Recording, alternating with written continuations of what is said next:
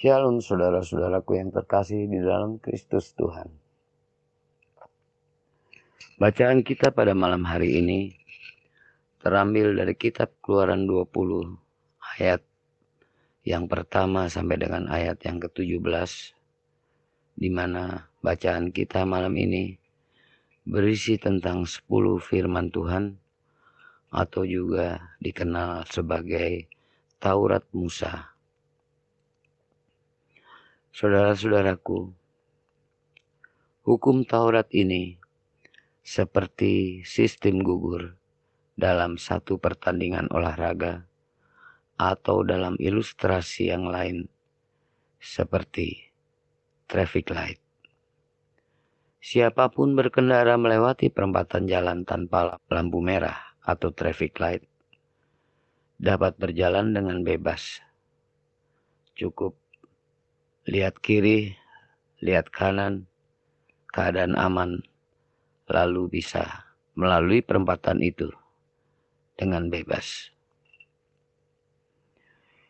Tetapi apabila kemudian di perempatan yang sama dipasangi lampu merah atau traffic light, maka siapa pun yang lewat harus mentaati peraturan lalu lintas mengenai lampu merah atau traffic light.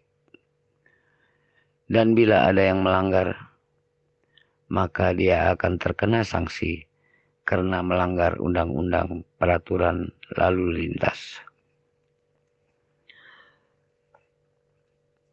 Semua manusia telah berbuat dosa. Hukum Taurat diturunkan untuk menyadarkan manusia tentang ketidakberdayaannya terhadap dosa. Dalam kitab Roma 3 ayat 23 di situ menyatakan karena semua orang telah berbuat dosa dan kehilangan kemuliaan Allah. Tidak ada seorang pun yang dapat melakukan kesepuluh hukum dalam kitab keluaran 20 ayat 1 sampai 17 tersebut. Di dalam kitab Yakobus 2 ayat 10. Di situ menyatakan sebab barang siapa menuruti huk seluruh hukum itu tetapi mengabaikan satu bagian daripadanya ia bersalah terhadap seluruhnya. Kalau kita dapat menjalankan ke sepuluh hukum tetapi pernah sekali saja berbohong, maka seluruh kesalehan kita tidak lagi berarti. Atau sempurna melakukan sembilan hukum, tetapi pernah sekali tidak menghormati orang tua.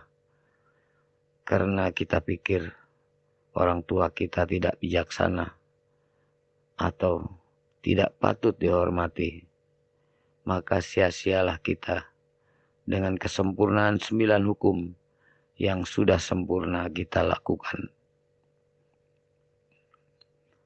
Sepuluh hukum diturunkan supaya manusia manusia sadar bahwa manusia butuh jalan keluar. Kitab Roma 7 ayat 5 sampai dengan yang ketujuh.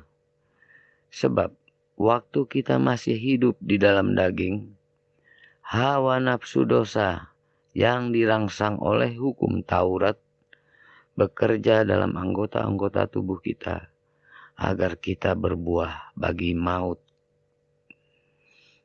Tetapi sekarang kita telah dibebaskan dari hukum Taurat sebab kita telah mati bagi dia yang mengurung kita sehingga kita sekarang melayani dalam keadaan baru menurut roh dan bukan dalam keadaan lama menurut hukum Taurat. Jika demikian,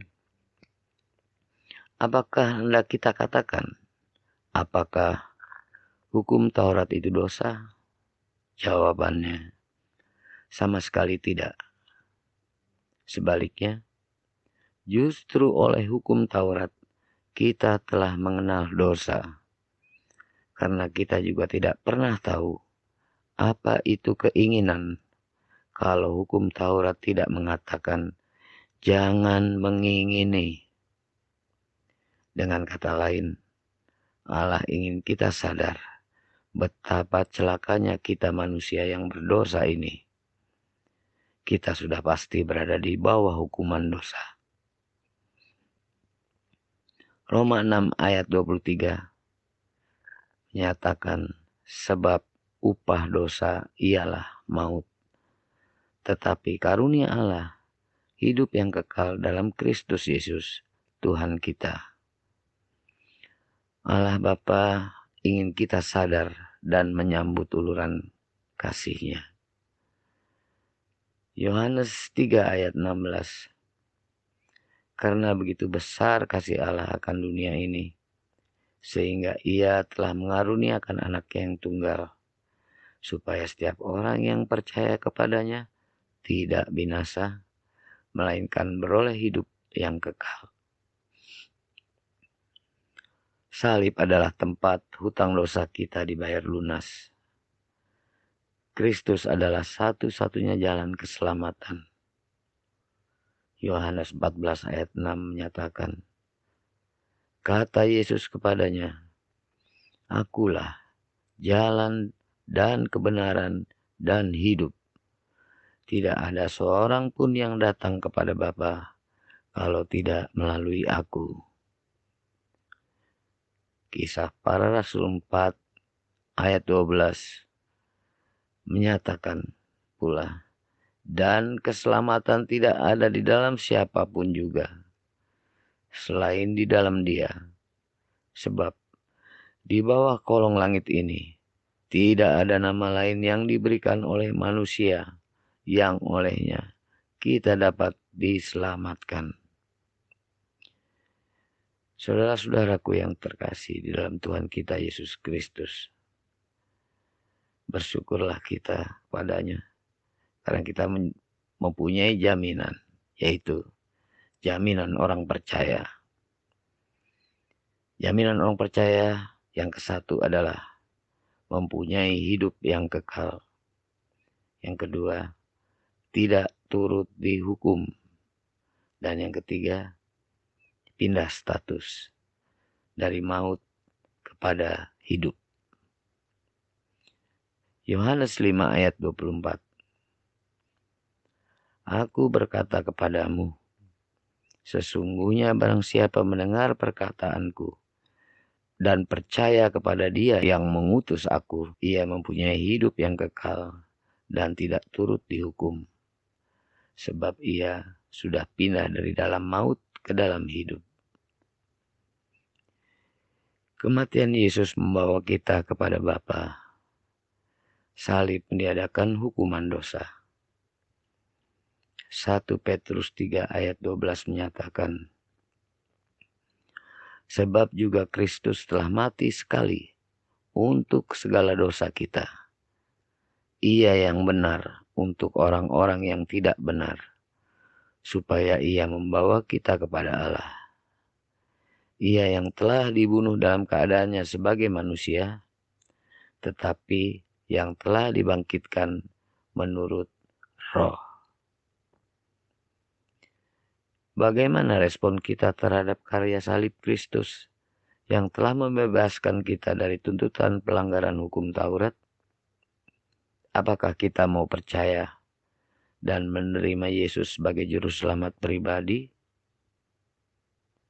bersedia hidup bagi kemuliaannya dengan menyelaraskan hidup kita sesuai firman-Nya di dalam Alkitab, atau mungkin kebalikannya, mengikuti keinginan daging, atau mungkin malah masih memiliki obsesi keinginan daging yang belum kesampaian di mana obsesi ini selalu muncul di dalam hati dan pikiran kita untuk kita lakukan bila ada kesempatan. Saudara-saudaraku yang terkasih dalam Tuhan kita Yesus Kristus. Kita kembali kepada ilustrasi traffic light. Bahwa hukuman untuk pelanggaran lalu lintas hanya dapat diselesaikan dengan membayar denda yang ditetapkan oleh undang-undang lalu lintas. Dan hukuman pelanggaran hukum Taurat hanya dapat diselesaikan di kayu salib. Yesus sudah membayar hukuman dosa semua orang. Kitalah orang-orang yang bersyukur, yang mempunyai karunia keselamatan. Oleh karena ini, marilah saudara-saudaraku yang kekasih, kita mempertebal iman percaya kita. Kita lebih banyak mengasihi dan melayani untuk banyak orang yang membutuhkan kehadiran kita sehingga kita boleh menjadi terang dan garam bagi dunia ini sesuai keinginan Tuhan Yesus. Demikian renungan kita pada hari ini. Tuhan memberkati saudara. Amin. Selamat malam.